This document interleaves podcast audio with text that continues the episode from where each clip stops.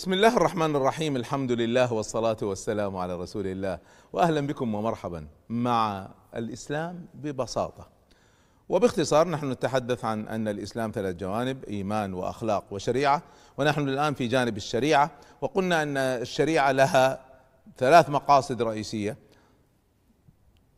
الحفاظ على الضرورات الانسانية وتلبية الحاجات الانسانية وتنمية التحسينات طيب ونحن الآن في الجزء الأول وهو حفظ الضرورات. وقلنا أن الضرورات الرئيسية خمسة حفظ الدين وحفظ النفس وحفظ العقل وحفظ المال وحفظ الأسرة والنسل.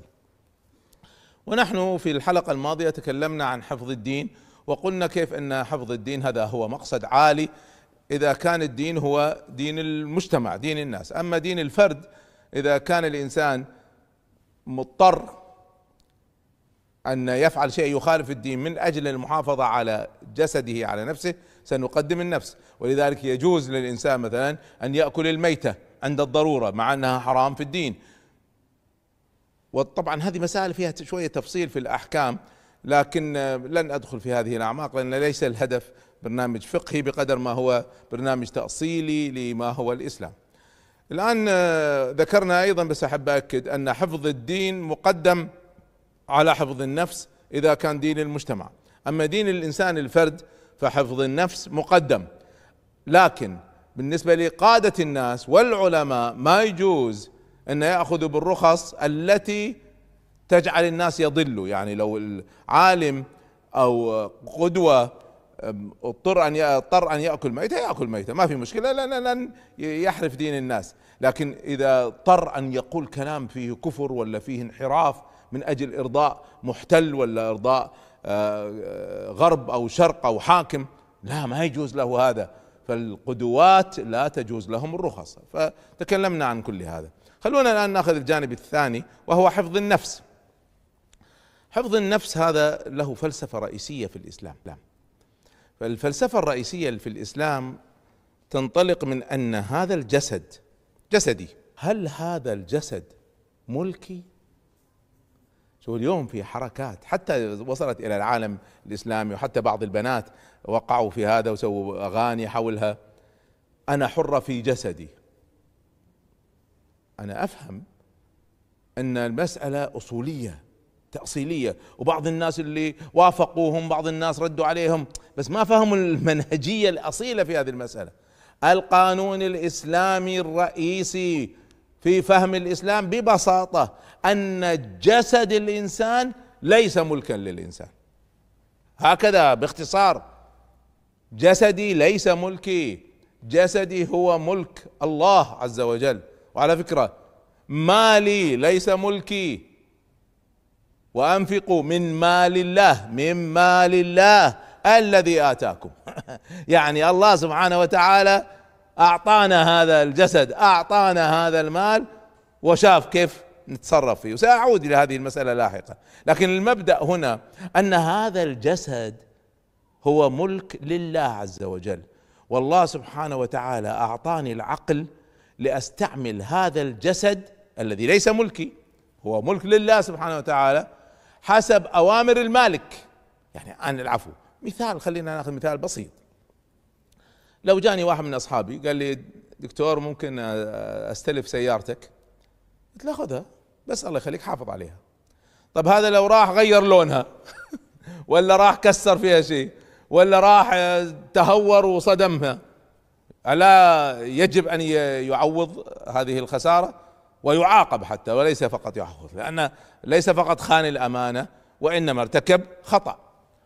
نفس الشيء هنا نفس الفلسفة. هذا الجسد ولله المثل الأعلى. ليس ملكنا. هذا الجسد لله سبحانه وتعالى ملك الله عز وجل. ولذلك ي... ي... الأحكام لازم نفهم الأحكام. هي اللي تحقق الأهداف. الأحكام بحد ذاتها ليست هدفا. يعني ما يصير أقول حرام حلال وبس. ليش؟ بس. لأنه حرام. ما يصير. شوف ديننا دين دين عاقل. وديننا ما شوفوا ما احفظوها يا بناتي يا أبنائي احفظوها. ما في ولا شيء في الدين حتى شيء صغير إلا وراه هدف إيش رأيكم؟ هذا الدين ليس عبث ما جاء ولا حكم إلا وراه هدف. وسأعود لهذه المسألة بتفاصيل أكثر بس خلينا ناخذ الجسد هنا. ناخذ ثلاث أحكام. ناخذ حكم صغير وحكم وسط وحكم كبير. الآن ناخذ الوشم. هنا طبعا الكلام عن الوشم الدائم. الوشم الدائم. في الإسلام هذا الوشم حرام. طبعا الأوشام المؤقتة هذه اللي صبغ ويغتسل ولا لزاق ويزال لا حرج فيه. لكن أتكلم هنا طبعا لا حرج فيه إذا ما كان فيه فحش أو فساد. لكن بشكل عام لا حرج فيه. لكن الكلام عن الوشم الدائم هذا الوشم حرام. هكذا الحكم الفقهي. طب الفقهاء لما درسونا أن الوشم حرام ما قالوا لنا ليش حرام؟ تعرفوا ليش حرام؟ لأني أنا غيرت هذا الجسد بدون إذن مالك هذا الجسد. أنا جسدي ليس ملكي. أنا غيرت على كيفي. ما يصير. هو لم يأذن بهذا. هو قال ممنوع تسوي وشم. ممنوع. لأن هذا ليس ملكك. فهو يريد أن يختبرني ألتزم بهذا ولا ما ألتزم؟ أيضا الإنسان يأخذ يأخذ شيء ويجرح إيده. يقول أنا حر بإيدي أقطعها كما أتشاء. لا تأثم. ليس فقط. خطأ طبي وإنما تأثم شرعا لأنك لعبت بشيء ليس ملكك دمرت شيء لا تملكه. فهذه الأشياء البسيطة. خلينا نأخذ حكم وسط. الحكم الوسط لما يأتي الشيطان ويأمر البشر أن يغيروا خلق الله. يغيروا خلق الله. ما يجوز تغيير خلق الله. ليش؟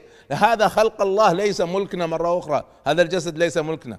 وبالتالي تغيير شكل الإنسان بدون ضرورة. وما أريد أدخل بالتفاصيل الفقهية. الضروره قد تكون جسدية وقد تكون نفسية. أنا أقدر هذا. بس هذا قرار طبي. هذا ليس قراري أنا. وليس قرارك أنت يا بنتي. هذا قرار طبي.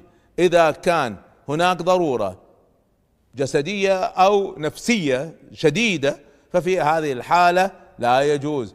أما التغيير فقط لأجل اللعب ولأجل آه، آه، فقط يعني مشكلة الناس إن ما في واحد عاجبه جسده.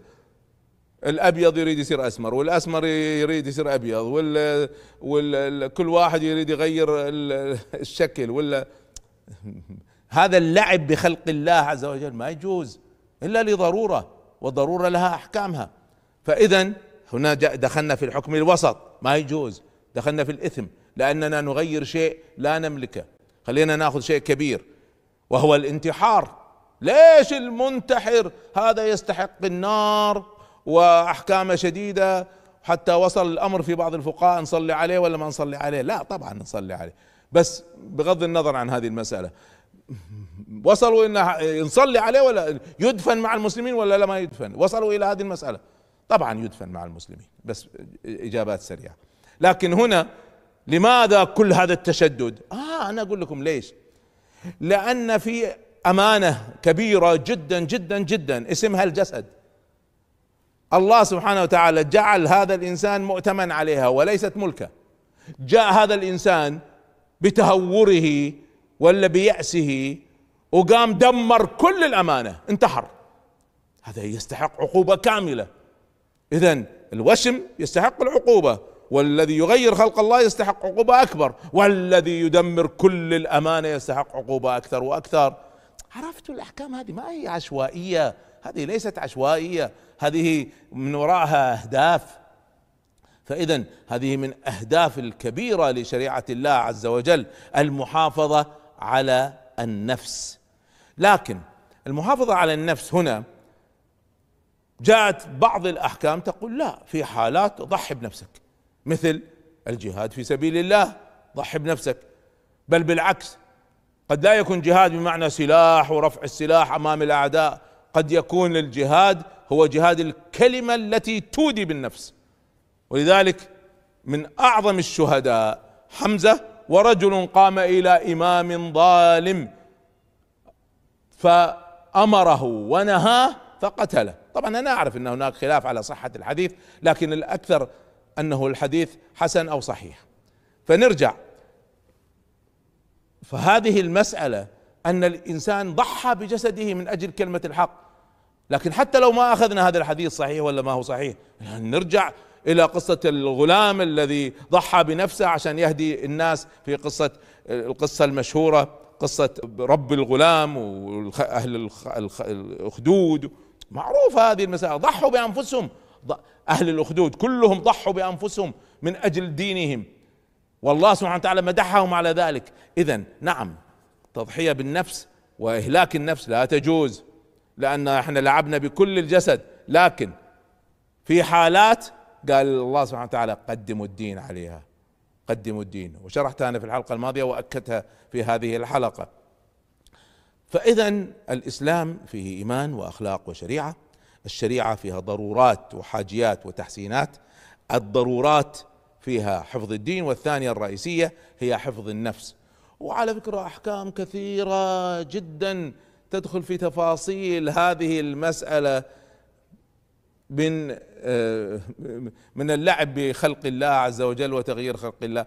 وذلك لما يأتي قضية الواشم والنامصة وأمثال هذه المسائل هي ليست عشوائية.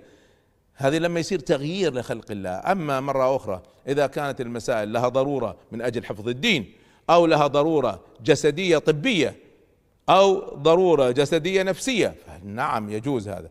وعلى فكرة من تحت قضية حفظ النفس يدخل منع الإجهاض. تحريم الإجهاض. حرام. طبعا حرام لما تنفخ فيه الروح اللي هو لما يوصل عمره 120 يوم. قبل هذا اختلفوا العلماء وبعضهم وأكثرهم الحقيقة على أنه أيضا هذا فيه جسد ما دام بدأت الحياة فيه. فعلى كل حال بعض العلماء يقول بعد أربعين يوم. هذه قضية طبية يحكم بها الفقهاء هل في روح؟ لكن لو لو كان سيؤدي إلى وفاة الأم لا نضحي به طبعا. فإذا هنا حفظ النفس هذه المسألة يعني لها أحكام تفصيلية كلها تهدف إلى هدف عظيم. حفظ النفس ضرورة بدونها لا تستقيم حياة البشر. مزيد من الإسلام ببساطة في الحلقة القادمة إن شاء الله.